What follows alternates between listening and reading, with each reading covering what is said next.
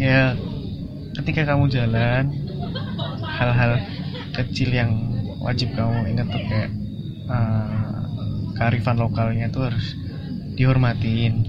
Terus uh, jangan tinggalkan apa pun. Kecuali jejak itu benar karena ya itu tempat wisata itu nggak cuma kita yang menikmati. Kalau kita nggak bisa menjaganya bisa aja anak cucu kita yang nggak bisa menikmatinya padahal itu adalah harta karun yang udah dianugerahkan jadi tetap tetap menjaga seperti apa adanya dan jangan lupa tentang uh, kearifan lokal yang harus kita jaga.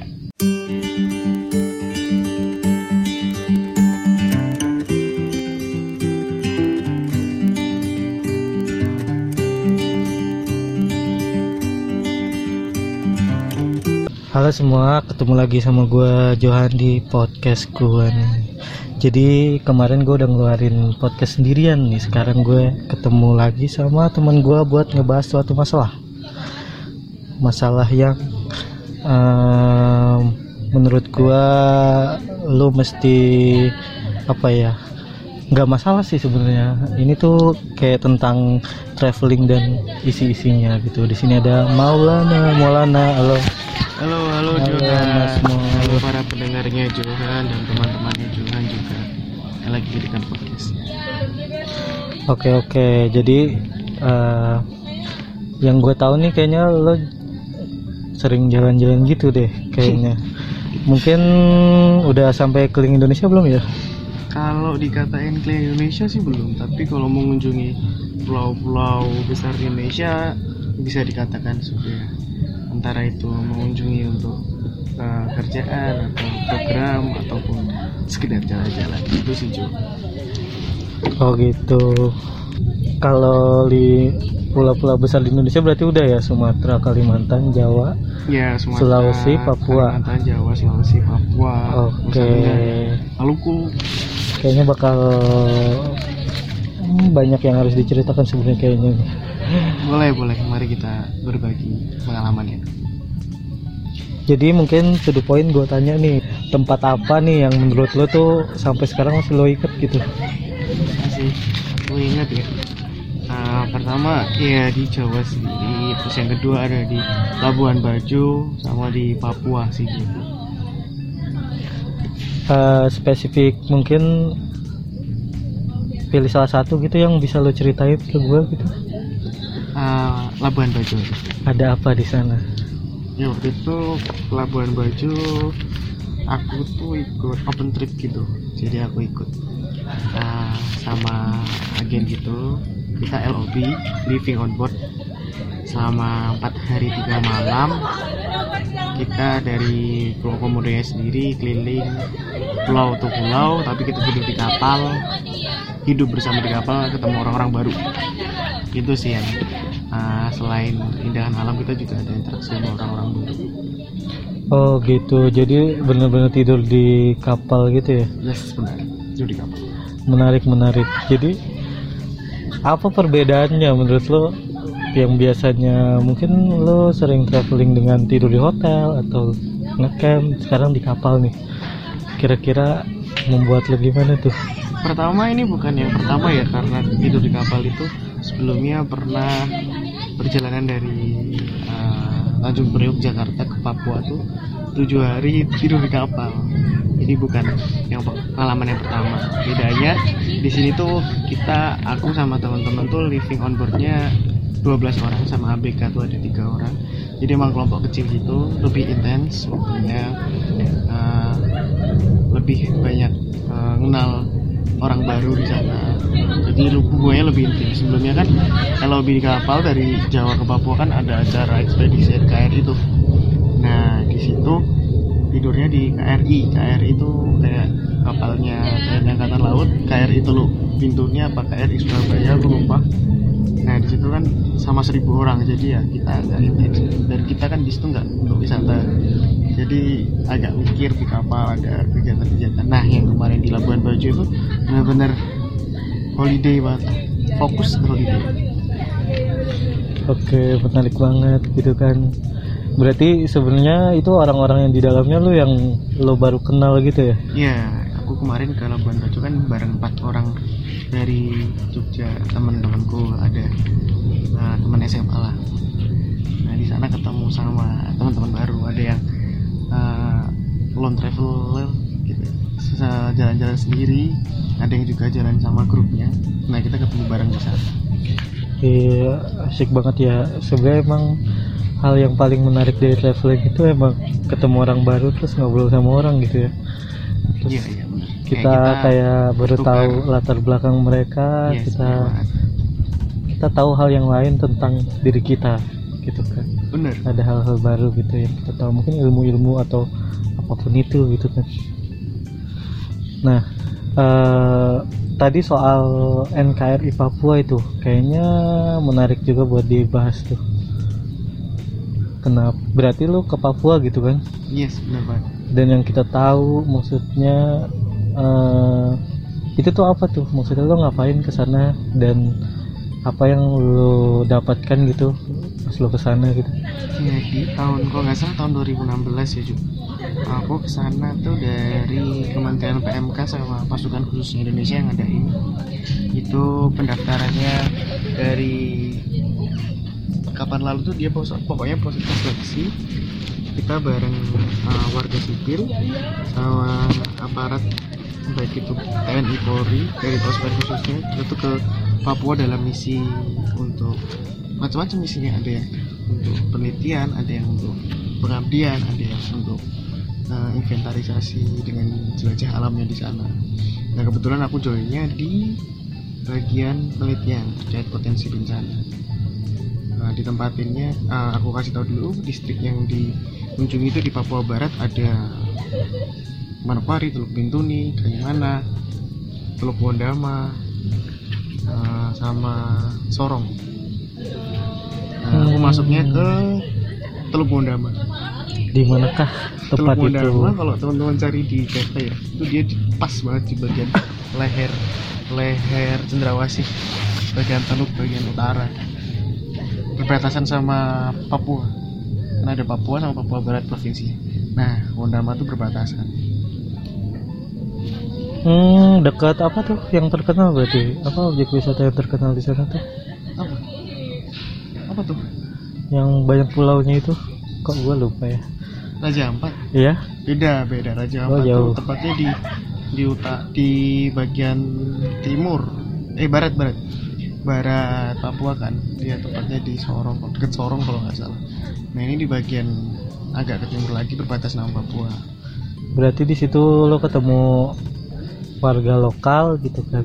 yes kita Ketemu Senin sampai orang-orang Jumat sekitar. Senin sampai Jumat tidurnya di rumah warga karena kita berpindah dari lokasi ke lokasi lain kan kita ambil data gitu Kira-kira apa yang membedakan antara warga sana dan warga di rumah lo gitu? Nah, sebenarnya beda ya. Ya Beda? kita tahu kalau kalau ambil ambil contoh ya, kan di Jawa kan ada berbagai macam suku juga kan.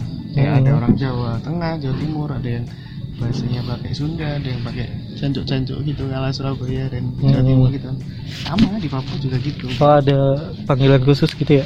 Iya, jadi orang Papua tuh juga secara geografis tuh mereka juga punya ciri khas tertentu. Bahkan antara satu daerah-daerah lain tuh punya uh, bahasa daerah yang beda juga. Maksudnya logat ya. Bahasanya Hmm. mungkin bahasa Indonesia tapi logat daerahnya masih ada. Dan uh, kayak yang bedain tuh banyak faktor di situ. Hmm. Lo berarti tinggal di rumah mereka gitu ya? Iya. Tidur di rumah mereka. Ya, istilahnya Senin sampai Jumat tuh kita tidur di rumah mereka. Sabtu Minggu tuh kita balik ke pos komando kita. Itu di kota. Nah, gimana orang-orang di sana tuh? Gimana apanya nih? Maksudnya eh, sikapnya dia terhadap lo karena kan lo sebenarnya bukan orang Papua asli gitu kan Hmm. dari Jogja yang ke sana.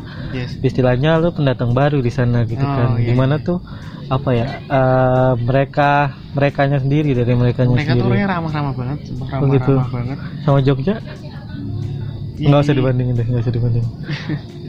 kalau dibanding Jogja ya 11 12 sih maksudnya iya iya mereka tuh kalau ya untuk impresi pertama kan mungkin kita melihat dari logat kan mungkin berbeda tapi ketika kita udah kenal ya mereka ramah banget. Bahkan uh, di sana pun aku ada mama angkat gitu. Maksudnya Heeh, heeh. kalau di daerah sana tuh kayak udah dianggap keluarga banget kok udah deket.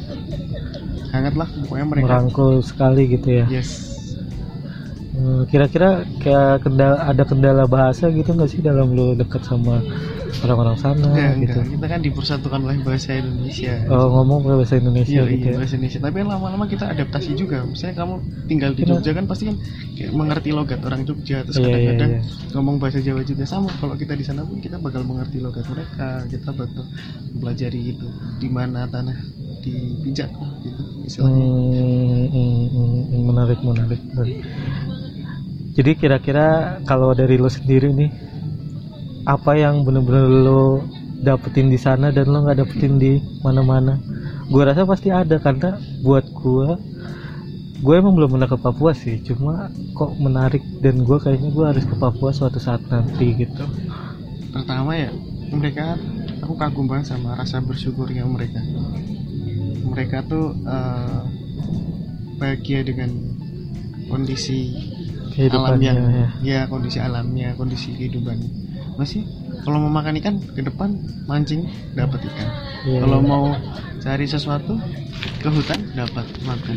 Masih mereka tuh udah bahagia dengan kondisinya seperti itu. Masih makin bikin kita bersyukur makin bikin kita sadar kebahagiaan tuh nggak usah jauh-jauh dicari. Itu ada di sekeliling kita. Terus ya nggak dipungkiri sih alam Papua tuh emang ya masih bener-bener uh, priceless banget. Di sana tuh bahkan Hmm, uh, istilahnya gunung aja bisa jadi emas. Iya, iya. gunung bisa jadi emas laut bisa jadi surga. Surga di tanah Papua tuh bener. Dan itu emang hidden gems lah. Masih banyak destinasi Papua yang orang-orang tuh nggak tahu. Salah satunya tuh di Teluk Mondama Teluk Mondama tuh ada namanya Pulau Auri Jo. Jadi di sana tuh ada whale shark. Bahkan di situ ada wow WWF pun bu- bukan cuman WWF sih. Kayak eh, Kementerian Lingkungan Hidup dan Kehutanan tuh dia punya kantor di sana. Di bagian Taman Nasional Teluk Cendrawasih. Tahu Hmm. sendiri kan kenapa ada Taman Nasional? Pasti ada harta karun di situ. Hmm, salah hmm, satunya harta karun laut. Asik banget lah di sana. Kita snorkeling di depan rumah aja.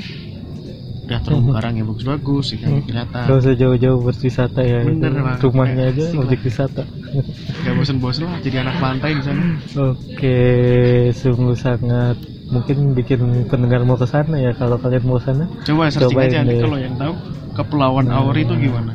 Kalau kalian cuma taunya Raja Ampat, kalian rugi kayak gitu. Rugi kayak gitu. Raja- kalau di Jawa tuh kayak kamu mau eh, misal ke Gunung Perahu, tapi kamu nggak tahu ada kayak eh, sunrise di Temanggung yang lebih bagus itu ya rugi kayak cuman kamu tahu satu destinasi padahal dekat situ ada destinasi yang bagus banget. Oke oke. Mungkin kalian harus coba juga. Jangan ke yang mainstream-mainstream gitu. Tapi ngomong-ngomong tentang rasa bersyukur gitu Mungkin kalau gue bisa garis bawahi Rasa bersyukur Gimana ya? Mungkin kalau buat gue Buat orang yang Yang misalkan hidup di perkotaan eh, Dia akan punya Punya apa ya? Standar rasa standar lebih tinggi. Maksudnya bukan rasa bersyukurnya standar hidup yang lebih tinggi Oh, ketimbang oke. di di daerah gitu. Mungkin ini kayak terkait mindset gitu nggak sih? Kayak lu belum misalkan eh, orang sana belum tahu mall jadi mereka ya udah lebih suka hidup begitu ketimbang kita yang misalkan udah tahu mall misal orang Jakarta yang udah tahu mall terus ke sana. Ya wisata tiga hari setelah itu bosen karena rutinitasnya mall. Hmm, Jadi kayak ya, paham, paham. hidup hidup itu berdasarkan rutinitas. Hmm, menurut lu bisa gitu gak sih? Karena gue nih menemukan jadi gue waktu itu gue ke Kalimantan gitu kan. Ya rada pelosok gitu? Kalimantan Utara. Ke mana gue? Kalimantan Utara kan itu Pemekaran nggak sih? Iya itu baru provinsi baru enam tahun yang lalu. Jadi bener-bener baru apa ya ya baru terbentuk lah. Enam tahun yang lalu itu jadi provinsi baru. Nah di sana emang masih banyak hutan. Terus eh gue emang kenal sama warga sekitar gitu sama anak kecilnya. Anak kecil suka main sama gue terus dia ngomong gini ke gue eh di sana ngomong panggilnya apa ya bang atau apa gue lupa bang di sini ada mie ayam paling enak banget gitu. Enak banget dia dia aduh gue sedih jadinya denger eh dengernya ngomong jadi dia mendeskripsikan enaknya mie ayam versi dia di sana. Mie ayamnya enak banget begitu begitu begitu begitu. Eh, terus gue penasaran loh mie ayam seenak apa sih gitu kan. Yang gue sering makan mie ayam kan di Jakarta. Terus gue belilah mie ayamnya dan ternyata mie ayamnya cuma kayak mie apa ya mie kuning gitu kan? Kayak mie kuning di bakso. Terus ada kuahnya terus ada sosisnya. Pokoknya itu aneh menurut gua. Dan me- mereka tuh seneng banget dengan itu karena emang ekspektasinya mereka itu yang enak gitu. Kayak mereka nggak punya pilihan lain. Beda misal sama gue yang yang apa namanya gue su lihat mie ayam referensi mie ayam gue banyak gitu kan. Nah sebenarnya yang gua garis bawahi bukan bukan mereka apa ya gini aja enak bukan. Tapi ya itu dengan mereka tahunya cuma segitu rasa bersyukurnya mereka jadi lebih banyak ketimbang gue yang udah tahu lebih banyak mie ayam gitu. Itu salah satu hal y- kecil yang menurut gue iya ya kalau misalkan gue selalu mengeksplor ini ini ini ini nggak ada bersyukurnya gitu. Tapi ketika mereka nge- nyobain satu hal ini dan mereka nggak nyobain yang hal lain gitu karena emang nggak ada di sana. Itu bersyukurnya luar biasa kayak kayak menggambarinnya kayak wah wah banget gitu. Itu gua salut banget sih maksudnya. Aduh. Eh, ya salut pokoknya gue juga pas di posisi itu juga sedih. Ini yang menurut dia paling enak tuh ya ini gitu karena enak tuh masalah preferensi sih cuy nggak semua orang tuh sama kan. Makanya, makanya dari sudut pandang dia sama sudut pandang yang beda aja preferensi yang beda mah bisa bikin kamu bersyukur karena mereka nggak menikmati apa yang gua dapat gitu. Nggak harus kasih enggak gini bukan maksudnya kayak eh mereka nggak ada pilihan gitu. Jadi yang gua sedihin di sana tuh bener-bener pelosok dan nggak ada pilihan. Sehingga membuat dia tuh sangat bersyukur dengan hal itu. Tapi kenapa gue nggak bisa begitu gitu yang gue pertanyakan gitu. Oh, iya, iya. kayak gue bukan gue nggak ngejelekin dia gue malah ngejelekin diri gue sendiri. Kayak kenapa gue nggak bisa bersyukur dengan hal kecil? Padahal di luar sana banyak hal kecil yang disyukuri orang lain. Iya iya iya masuk nggak? Masuk masuk masuk. Maksud tapinya. Tapi maksudnya karena anak kecil kayak gitu yang kamu temuin di suatu tempat kayak gitu itu bikin kamu ngasih sudut pandang bahwa ternyata hal kecil masih banyak yang bisa disyukurin kan? Nah itu. Itu itu yang bikin gue kayak langsung berkaca-kaca dengan dia ngomong terus dia lihat gue lihat dia makan. Ya Allah kenapa gue kayak hal kecil gak bisa gue syukuri gitu kan. Apa karena gue terlalu banyak referensi gitu? itu kayak pentingnya kita jalan-jalan nggak sih? Maksudnya nah betul. ketemu orang baru dan uh, ke tempat baru kan kita bisa Hmm. jadi kayak punya pandangan lain tentang Betul. apa arti bersyukur dulu salah satu yang menurut gua kenapa gua suka banget pergi ke suatu tempat tapi apa ya bukan tempat-tempat yang ekstrim gitu. Atau mungkin bener-bener ke tempat mungkin nggak apa-apa ke tempat ekstrim tapi lebih ke mendekatkan diri dengan warga sekitar gitu kan. Hmm ya paham nggak cuman nggak cuman wisatanya doang gitu nah ya. iya betul. Bener-bener. tapi emang kalau kita mau jalan-jalan atau mau holiday liburan kita pasti sebelumnya punya tujuan kan. Ada yang liburan yang benar-benar mau mencoba nyob- nyobain hal-hal baru terkait ya entah itu kekayaan alamnya entah itu kulinernya. Ya ya ya bisa juga orang liburan karena dia pengen eh, apa namanya kayak tinggal bareng warga sekitarnya untuk Hmm. merasakan experience menjadi warga sekitar. Semua tuh terkait experience cuy. iya betul. Kayak liburan tuh kita tujuan dasarnya experience entah itu experience apa pun itu pasti ada dampaknya bagi diri kita makanya gue kayak lebih suka backpacker banget sih kayak bener-bener ya kalau tergantung sih sebenarnya kendala keadaannya ya kalau emang bener-bener cuma pengen liburan dan waktu pendek ya bisa ya kayak Bisa, orang-orang orang-orang gitulah. ibu kota perkotaan gitu kan waktunya nggak Mm-mm. banyak cuma kalau ya waktu gue banyak gitu kan gue ya, mending backpacker gitu nggak 9 to 5 ya maksudnya mereka punya waktu banyak untuk me time Hmm. Dan itu terjadi pas juga pas gua ke Pulau Seribu gitu kan. Gue ke Pulau Seribu, gue ya? iya di Jakarta, gue ketemu sama warga sana. Gue ke Tidung doang sih, ke Tidung. Nah, gue ketemu sama warga sana, gue ngobrol, gue kenal sama tukang jualan di sana.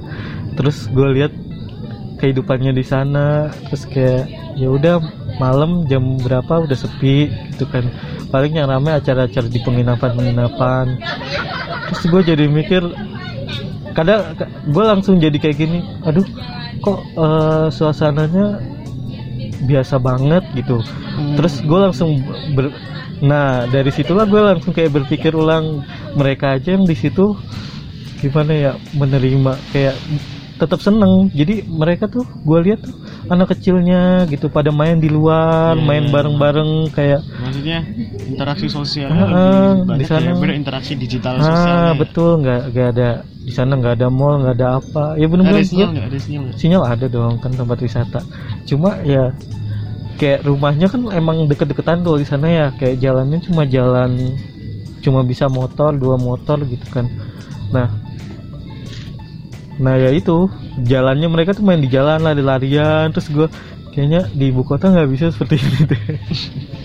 Di Papua di Papua nggak ada sinyal Jo itu antara ya satu minggu pertama nggak ada sinyal. Ya emang berat sih. Eh, antara kita mau cari materi atau kita mau berhubungan sama yang di rumah di Jawa gitu kan.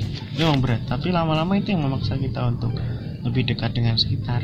Maksudnya lebih Mm-mm. mengenal uh, orang-orang di sekitar nah itu poinnya sebenarnya Jadi karena setiap- interaksi langsung Iya, iya. jadi setiap lebih setiap baik sore ya. itu pasti ada kegiatan. Ini eh, flashback masa kecilku tuh kayak aku SD tuh jam 4 sampai jam 6 tuh pasti kayaknya di luar rumah. Entah itu main layangan sepak bola atau apa. Hmm. Tapi semakin ke sini tuh kayak nggak semakin sedikit yang jalan. Nah, maksudnya sore-sore keluar itu makin sedikit. Entah itu emang faktor umur atau emang sekarang kondisinya udah kayak gitu. Ada internet, ada HP dan lain-lain kan orang makin mager pengen ngapain-ngapain males kalau sinyal itu dihilangkan mau nggak mau mereka bakal interaksi Iya sosial betul. Iya sama juga kayak waktu gue ke Kalimantan Utara itu emang nggak ada sinyal. Jadi bener-bener gue, iya gue kenal sama orang-orang sekitar yang banyak pendatang gitu sih banyak orang dari Bugis, orang dari Jawa. Iya bener-bener kita jalan kaki aja langsung dipanggil. Sini mas, eh sini apa ya di sana manggilnya gue lupa sih kalau manggil. Sini main gitu, terus disuguhin makanan, terus ya ngobrol, terus oh dari sini, oh dari sini, dari sini sampai itu kan gue di deket-deket perusahaan sawit gitu kan sebenarnya. Jadi mereka banyak kerja di sawit gitu. Hmm. Nah terus sampai gue tahu misalkan gajinya mereka di sana sampai gue lihat kerjanya mereka ngapain. Ya di situ juga sedih juga sih menurut mereka bersyukur dengan pendapatan yang segitu padahal kerjanya berat banget gitu. Mereka apa ngambil ngambilin sawit gitu kan. Terus gotong-gotong sawit yang segede-gede itu kan banyak gotong terus ditaruh di truk gitu dan gaji mereka ya gue tahu berapa dan itu setengahnya UMR Jakarta bos. Itu yang bikin gue Nah, terharu Bos. banget. mereka mereka bisa sebahagia itu pula. Nah itu mungkin karena ya itu rasa Iya, syukur mereka melebihi segalanya. Ya harus kita pahami bahwa emang kebahagiaan kan nggak cuma dari sebatas nominal itu. Nggak cuma dari sebatas angka kan. Nah. Masih banyak resources lain yang bisa kita jadikan sumber kebahagiaan Hmm. maksudnya. Makanya eh, salah satu yang membuat gua berpikir sekarang tuh kayak ya itu karena kebahagiaan nggak diukur dari angka gue tuh nggak terlalu apa ya? Tapi angka bisa membawa kebahagiaan.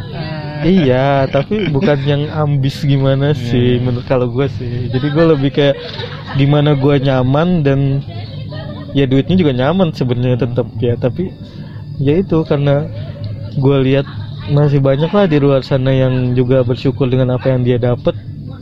Sekarang gue juga harus bersyukur apa yang gue dapat gitu. Walaupun eh, sebenarnya entah itu besar atau kecil yang jelas yang gue mau gue dapat sesuai sesuai kebisaan gue dan lain sebagainya. tapi tinggal gue tambahin rasa bersyukur di dalamnya gitu. Hmm, iya, nah itu soal kira-kira menurut lo daerah mana lagi nih yang bener-bener mungkin bikin lo cep gitu tersentuh gitu kayak wow wow. tersentuh dengan keindahannya atau tersentuh bisa apa pun sih dengan, sebenarnya tersentuh dengan keindahannya waktu itu aku ke Sembalu Sembalu naik Gunung Rinjani sih cuy itu emang benar-benar emang momen-momen yang ya tau sendiri lah naik gunung kan. Ngapain sih? Kita jalan-jalan cari capek ya tapi di sini kita bayarkan. Pertama ya ya kita naik ke Seven Summitnya Indonesia. Terus kedua ada danau nya pula. Ada pemandian air panasnya pula. Kayak kayak capeknya tuh kebales sama uh, pemandangan yang disuguhkan gitu loh. Itu benar-benar ya bisa buat buat mikir banget lah kalau kita naik gunung kan kayak momen ketika kita kita lagi istirahat tuh kita pasti akan mikir. Terus kita sebelum tidur di tenda tuh juga kita akan mikir dengan situasi kesunyiannya itu. Otomatis kita bakal kayak membaurnya bukan cuma sama teman-teman sesama pendaki ya membaurnya kayak sama alam sih Hmm, ya ya ya, bener-bener Tahu nggak sih kalau rasa-rasanya kita lagi membaur sama alam kayak ada angin aja kita nikmatin, ada kayak Iya. suara-suara burung aja kita nikmatin. Kayak kita tuh merem itu kayak peaceful banget. walaupun kadang-kadang kalau mau mendapatkan itu harus ngeluh-ngeluh dulu gitu kan aduh Iya, capek iya. tiba-tiba nanti udah sampai di wah terbayarkan gitu ya sih Kayak apa ya dulu tuh pernah diceritain sama pendaki sih. Uh, selama kita belum kehilangan uh, selama masih ada pendaki gunung berarti kita masih punya orang-orang yang akan menjadi uh, leader. Maksudnya dia bisa mengalahkan egonya capeknya tapi dia masih uh, peduli sama alamnya sama peduli sama keindahannya negara yang dia punya. Jadi kayak pendaki itu kayak ya walaupun sekarang emang banyak pendaki-pendaki yang uh, As- asal-asal asal-asalan ya? Ya udah yang penting ikut Dari- tren ya. dari sampah membuang sampah dia nggak benar dari bawa pulang kan ada slogannya itu ambil apa pun. Eh jangan ambil apa pun kecuali foto. Hmm, hmm, hmm. ya, gitu. Terus jangan jangan tinggalkan apa pun kecuali jejak. Bener. Iya sih? betul betul. Naik gunung tuh asik banget dulu. Tapi sekarang kayak eh, udah jarang banget latihan. Emang naik gunung kan nggak? Sekedar instan aja kan? Terus latihan fisik lah at least. Karena beban yang kita bawa sama cara kita survive di alam kan kita nggak ada yang tahu kan? Yang penting safety-nya kan kita harus tahu dulu. Tapi di itu benar-benar ada. Ada tanjakan yang benar-benar orang-orang tuh di situ bakal ngos-ngosan tapi sampai atas bangga banget ya Bangga banget, bangga banget. Puncak di gua di antara Indonesia Kalau di puncak Rinjani tuh kamu bisa lihat laut, bos. oh, Gila lah, wah asik banget. Naik gunung lihatnya Iya. laut. lo kecil di antara ribuan Ya, kamu akan sadar bahwa ya kamu tuh kecil orang Bukan tuh apa-apa ya. Bukan apa-apa. Kamu merasa kecil lah kalau di puncak. Terus apa yang kamu lakukan selama ini tuh dampaknya tuh apakah itu yang kamu anggap besar ternyata masih kecil. Hmm. nggak ada apa-apanya sama eh, besarnya alamnya. Alam yang ada ya. Dan itu di Rinjani itu ada pemandian air panas cuy wah sumpah seger banget. Habis air panas habis nyemplung di air panas tuh kayak capek tuh hilang semua. Bisa ada yang mancing di segoro anak. Wah bintangnya malam-malam kelihatan tuh. Nggak ada lampu adanya penerangannya alami bintang sama bulan jadi dari perjalanan itu gitu mungkin lo bisa eh, mendeskripsikan biar orang-orang mau ke mau ke situ gitu. Kira-kira apa yang apa ya yang menarik deh yang lo harus ke situ gitu. Mana nih kan banyak tadi aku udah yang gunung dong kan lagi bahas gunung Rinjani tuh kalau kamu sebagai orang Indonesia belum ke Rinjani itu nggak afdol karena di Rinjani isinya bule semua coy. Ketemu bule di sana kebanyakan orang Prancis ya. Orang Prancis itu eh, kayak parameter gaul parameter sebagai pendaki. Bukan pa- parameter anak gaulnya sana. Oh, traveling gitu. travelingnya ke mana? Naik gunung Rinjani oh. jadi banyak banget uh, uh, pendatang mancanegara itu yang datang ke Rinjani itu ya karena mereka tahu Rinjani itu salah satu gunung terindah di dunia kalau dari beberapa penelitian sih Hmm. dia bilang kayak Gunung Rinjani itu namanya Gunung Samalas dulu terus ledakannya Gunung Samalas itu membuat Eropa uh, iklimnya gelap selama beberapa hari dan jejak karbonnya itu ditemukan di uh, Antartika kalau nggak salah kalau nggak salah ya penelitiannya uh, Pak Danang Siriatmoko Cie. dan para peneliti Perancis bilang gitu namanya Gunung Hmm. Samalas masa sama orang lain di uh, luar negeri ya dari negara lain aja sampai bela-belain datang ke Indonesia cuman buat naik gunung buat buat capek Hmm. gitu ya mereka pasti akan dapat experience itu kan pelajaran di situ kalau kalian nggak ngelakuin kalian nggak bakal tahu rasanya. Iya iya iya iya. Jadi buat apa lihat luar lihat dulu Indonesia gitu kan. Gitu. Nah selain faktor budget ya? Gue juga malah Indonesia biasanya lebih mahal daripada Iya sih, keluar ya kan? mahal. Wah, luar mah udah ada paket-paketan sini mah. Ya ada paket juga tapi mahal gitu. kan besar di Indonesia tuh sama hampir sama kayak uh, Amerika nggak sih USA iya iya iya betul betul. Padahal kan Eh. USA kan terdiri beberapa negara bagian Indonesia Eh, satu negara itu segitu. Belanda aja sama Jawa di Jawa. Oke oke. Sebenarnya kayak mungkin pengalaman masih banyak juga yang belum cerit- ceritain gitu kan. Tempat-tempat yang belum dikunjungin juga banyak. Kira-kira nih tempat mana nih yang lu tuh pengen banget ngunjungin itu gitu? Pengen banget dah udah masuk dalam dalam apa ya tujuan utama nanti gitu. Kalau dari dulu sih pengen ngerasain saljunya Indonesia sih. Itu kan satu-satunya Indonesia. Wow. saljunya Indonesia ada di Everest ya? Eh, Everest. Apa di Jaya Wijaya. Jaya Wijaya. saljunya Indonesia Terus dingin lagi- banget bos di sana. Wah, ngeri cuk. Pokoknya kalau ke sana tuh denger-denger ya. Dengar-dengar at least prepare 80 juta Wow. Mulai dari- tuh mulai dari Indonesia transportasinya eh, makannya penginapannya dan lain-lain kan ke sana kita kan kayaknya ya kalau nggak salah kita perlu helikopter sewa helikopter gitu buat sampai ke sana Eh, buat sampai ke titik pendakiannya Padahal umroh cuma 23 juta. Mau ke Indonesia 80 juta. Nah, betapa sangat wownya gitu kan. itu dari awal bayar semuanya ya all in 80 juta. Eh, tapi kalau kita pakai tanah berapa orang mungkin bisa lebih murah ya kali ya. Hmm. karena kan transportnya kan itu kan massal kayak helikopter kan bisa berapa orang. Hmm. Terus pengen juga nih ke Kelimutu Iya, iya, iya, Danau Kelimutu. Iya Kelimutu terus pengen juga snorkeling sama whale whale shark di Oh, mana tuh Kalimantan Kakaban. Kakaban Wah, gue udah pernah. Kakaban juga ada kayak ubur-uburnya asik banget. Jellyfish.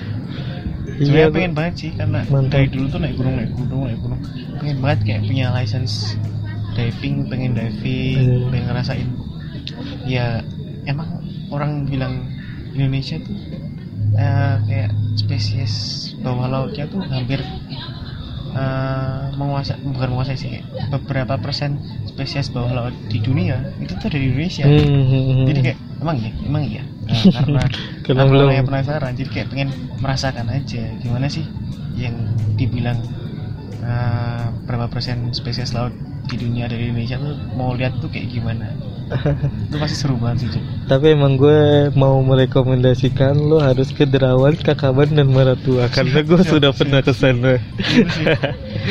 Jadi Belum gue mau cerita sedikit aja ya kan. Gue ke Ya. Derawan, gue nginep di Derawan.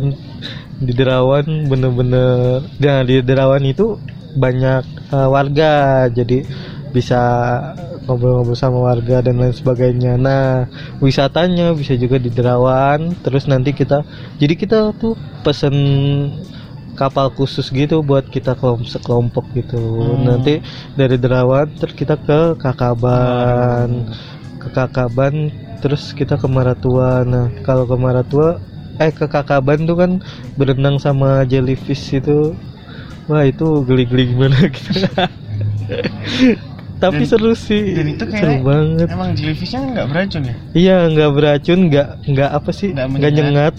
Dan dia di itu kan masuknya di dalam danau sebenarnya. Itu air, Air tawar. tawar. bukan air asin gitu kan. Ya, jadi dari dari luar kita dari apa sih dari kapal yang dari laut itu kita perlu jalan dulu ke dalam. Ke dalam lewatin bakau-bakau gitu. Habis itu ya ya udah ketemu danaunya yang isinya bener-bener banyak banget itu jellyfish semua. Sampai gua mungkin nggak lihat ikan lain selain itu. Selain Experience- jellyfish banget. bakal uh, YOLO banget sih di life banget nggak bisa merasain. Sih. kesenggol kenyal-kenyal anjir. Sampai seluruh badan isinya itu. Nah terus ke Maratua. Maratua bisa resort-resort sama pantai-pantai bagus sih di sana isinya. Cuma kalau di di dekat-dekat situ kayak bisa lihat lumba-lumba di alam gitu dan kayak bisa lihat hiu juga. Tapi waktu itu gua nggak asik dapet. mana lihat lumba-lumba sih itu sama di alam? Lihat di alam dong. alam dong. di alam lebih dari satu lebih dari dua. mereka tuh kalau lebih seru experience yang lebih dapat tuh lihat langsung di alam bukan kayak di uh, di kerangkeng gitu nggak sih? Iya betul. Experience-nya pasti bakal beda.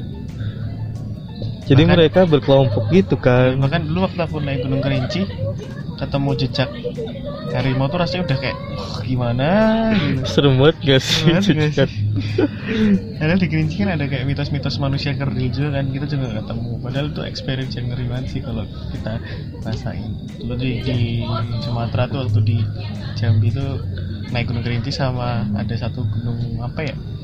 Dia naik terus modelnya kayak di atas tuh ada danau besar gitu. Lupa namanya. Gunung Seribu apa ya? Lupa. Pokoknya itu seru banget lah. Di Kerinci tuh gunung tertinggi juga Seven Summit Indonesia.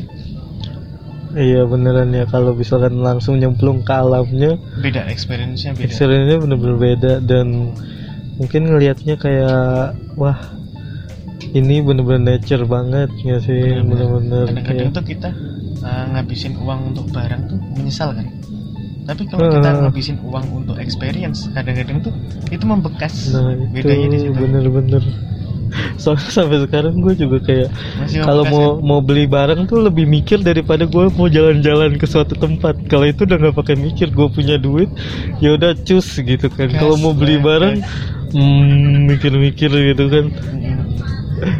beda lah experience-nya makanya gas gas gas soalnya emang memori nggak bisa dibeli menurut gue karena sampai kapan pun mungkin lima tahun lagi gue nggak bisa beli. Kayak gue pura-pura ke sana tiga tahun sebelumnya kan bener-bener memori benar benar Ad- dan itu kan timingnya juga Hmm. ngaruh kan kapan Hmm. kapan yang mau kita lihat itu misalnya kita mau lihat musim kawinnya apa namanya eh, cendrawasih nih Hmm. pas di Papua kan Hmm. aku pengen banget lihat cendrawasih di alam itu pun nemunya susah banget kalau timingnya nggak tepat jadi kayak oh ya udah deh kita belum bisa ketemu cendrawasih tapi emang uh, kita uh, taunya dari YouTube lah dari internet lah Hmm. waktu itu kita tuh nyari cendrawasih yang lagi nari kan cendrawasih betina sama kan beda kan nah itu uh, seru banget kayaknya bisa lihat cendrawasih langsung di Papua emang indah banget sih ini nggak heran dia masuk ke ajaiban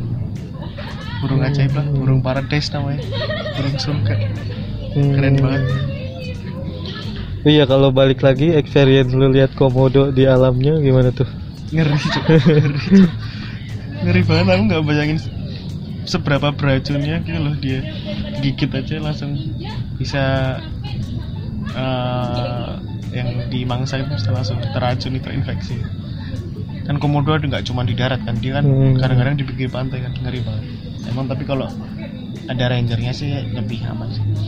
Emang komodo tuh bentuknya kayak cicak tapi gede banget Iya iya. makannya sapi gitu rusa Serem juga ya. Gue juga pernah ngalamin sih kayak ngelihat binatang di tempatnya. Waktu itu gue lihat rusa bawean bener-bener di pulau bawean itu sendiri. Oh, jadi yang gue tahu kayaknya rusa bawean ya adanya di pulau itu aja.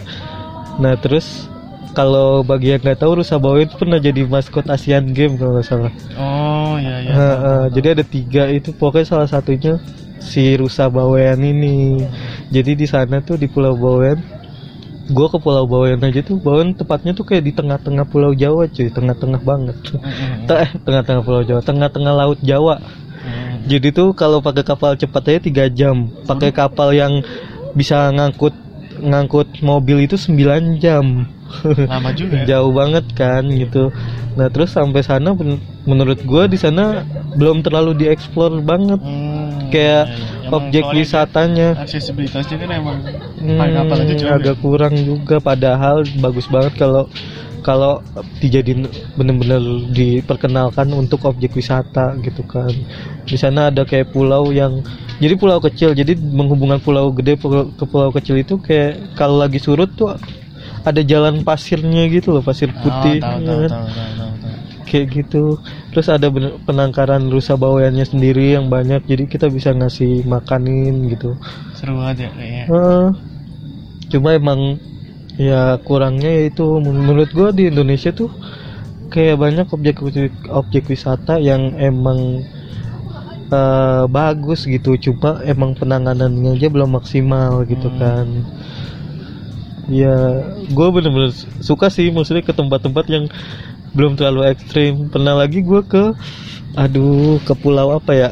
Gue lupa itu adanya di Sumenep ujung. Sumenep tuh Madura ujung. Dan gua mesti 2 sampai 3 jam naik perahu. Dan itu adanya perahu perahu-perahu yang Perintis. Hmm, bukan perintis lagi perahu kayak perahu nelayan gitu. Kayak perahu kecil loh yang yang cuma bisa 10 orang 10 orang. Dan di situ bener-bener diselat kan kalau nggak salah.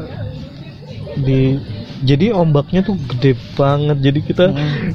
kita tuh di dalam situ sampai ada yang mabok-mabok terus mabok maksudnya muntah ya bukan mabok yang lain muntah ya. Ada yang muntah gara-gara ya itu ombaknya gede terus kita tuh kayak ngelihat ombak dari jauh tuh berkali-kali lipat tingginya daripada kita di sini gitu kan. Wah itu serem banget. Cuma pas sampai pulaunya gue lupa lagi nama pulaunya apa. Jadi bener-bener pulau yang bisa cuma jalan kaki selama satu jam. Jadi kecil banget dan pasirnya putih terus pasir putih terus masih ada karang-karang. Ya maksudnya kelihat lautnya bagus lah ya. Nah di situ bener-bener bebas banget kayak mungkin pas gue lihat di foto-foto orang bikinian juga nggak masalah gitu kan. Karena jarang juga jarang yang tahu di sana dan ya orang-orang mungkin tahu kan orang Indonesia sekalinya booming suatu tempat brr, ke sana Langsung semua. dan itu belum booming alhamdulillahnya gitu kan. Iya sih, aku juga masih aku emang nyari experience untuk lihat hewan alam langsung kayak udah pernah belum sih kamu lihat merak gitu? belum sih kalau burung-burung Iya, begitu. di Argopuro gitu kan temanku pernah lihat merak terbang gitu.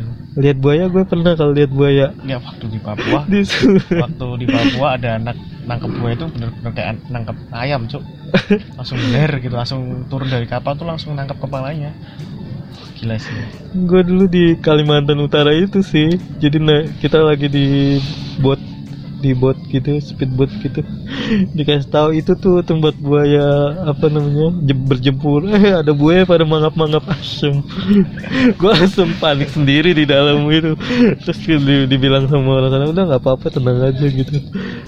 Buset nggak kera nggak. Terus nggak kebayang lagi pas pulangnya juga gue naik bukan naik speedboat lagi naik perahu yang yang kayak du- 20 orang doang nah, lewat sungai kan sungai lumayan besar dan itu Sungai tengah jalan ya. tengah jalan mogok dong. Bukan mogok sih bensinnya habis dong. Pusing banget itu. Udah Lah, tangan gue tuh bisa megang air loh orang deket banget. Nggak nggak bawa bensin cadangan apa? Nggak bawa. Emang enggak kayaknya Terus- emang terus sengaja. akhirnya tuh kita nunggu nunggu ada yang lewat buat buat buat narik kita gitu kan. Buat narik habis narik jadi di pinggiran ada yang jual eh, solar ya kayak gitu baru Iya. isi. Dan itu agak lama banget. Itu gue nggak kebayang nih sungai segede ini nih kanan Wah Allah kalau gua kak tangan gue masuk ke dalam air gue udah serem juga gitu kan. Wah. Emang banyak banget sih kalau masalah uh, jalan-jalan atau nyari experience baru itu emang ya lebih berkesan aja ya sih? Bener-bener Eh, kira-kira harapan lu ke depan gimana nih? Mungkin kayaknya karena waktunya juga udah panjang. Mungkin kita akhiri pembicaraan ini dengan sepatah dua patah kata. Yang menurut lo harapan buat lo terus buat pendengar harus gimana? Kalau lagi traveling dan lain sebagainya pemilihan traveling mungkin mau gimana? Pemilihan tempat dan lain sebagainya. Coba bisa diutarakan gitu. Ya sih kalau masalah harapan masih banyak tempat yang belum aku datengin. Baik itu di Indonesia maupun di luar Indonesia. Pengen banget jalan-jalan ke sana di sela-sela kesibukan untuk dapetin experience-experience baru. Buat teman-teman juga kalau misal mau jalan-jalan maksudnya hal yang paling penting tuh kayak itinerary rencana perjalanan kayak travel mate juga tuh ngaruh. Temennya siapa yang kita jalan bareng sama siapa kita jalan bareng. Terus ya ketika kamu jalan hal-hal kecil yang wajib kamu ingat tuh kayak uh, kearifan lokalnya tuh harus dihormatin. Terus uh, jangan tinggalkan apa pun. Kecuali jejak itu benar karena ya itu tempat wisata itu nggak cuma kita yang menikmati. Kalau kita nggak bisa menjaganya bisa aja anak cucu kita yang nggak bisa menikmatinya padahal itu adalah harta karun yang udah dianugerahkan. Jadi tetap tetap menjaga seperti apa adanya dan jangan lupa tentang uh, kearifan lokal yang harus kita jaga. Itu sih siap simpelnya siap siap. Keren banget ya. Kalau buat gua kalau dari gua sendiri menurut gua kalian boleh traveling ke mana aja tapi coba kalian mendekatkan diri sama warga sekitar itu tuh bener-bener mungkin banyak pelajaran yang akan kalian ambil dari situ dari segi bersyukurnya dari segi kebahagiaannya dari segi apa pun deh kayaknya bakal bakal ngena banget buat kalian gitu. Jadi eh, kalian harus coba coba dan coba menurut gua ketemu orang ajak ngobrol. Ketemu warga sekitar tanyain ke keadaan sekitar tanyain kehidupannya dia. Maksudnya nggak secara pribadi ya maksudnya kehidupan secara Sehari-hari. lingkungan di sana gimana kegiatan dia di sana gimana. Nah itu benar-benar membuka wawasan kalian. Kalau hidup kalian tuh hidup itu bukan seperti yang kalian aja gitu. Maksudnya hidup ini banyak tentang banyak hal gitu yang mungkin kalian belum tahu makanya kalian harus ga- gali semuanya supaya jadi ilmu tambahan buat kalian gitu cakep yang mau ditambahin lagi udah sih itu aja Mungkin sekian dari podcast kali ini. Semoga pendengar. Oh ya sekali lagi, gue bilang nggak sekali lagi sih. Seperti yang biasa podcast gue, gue bilang ini kalau misalkan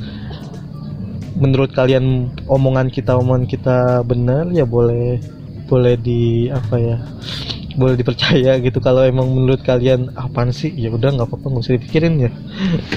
Sekian podcast kali ini. Gua pamit. Bye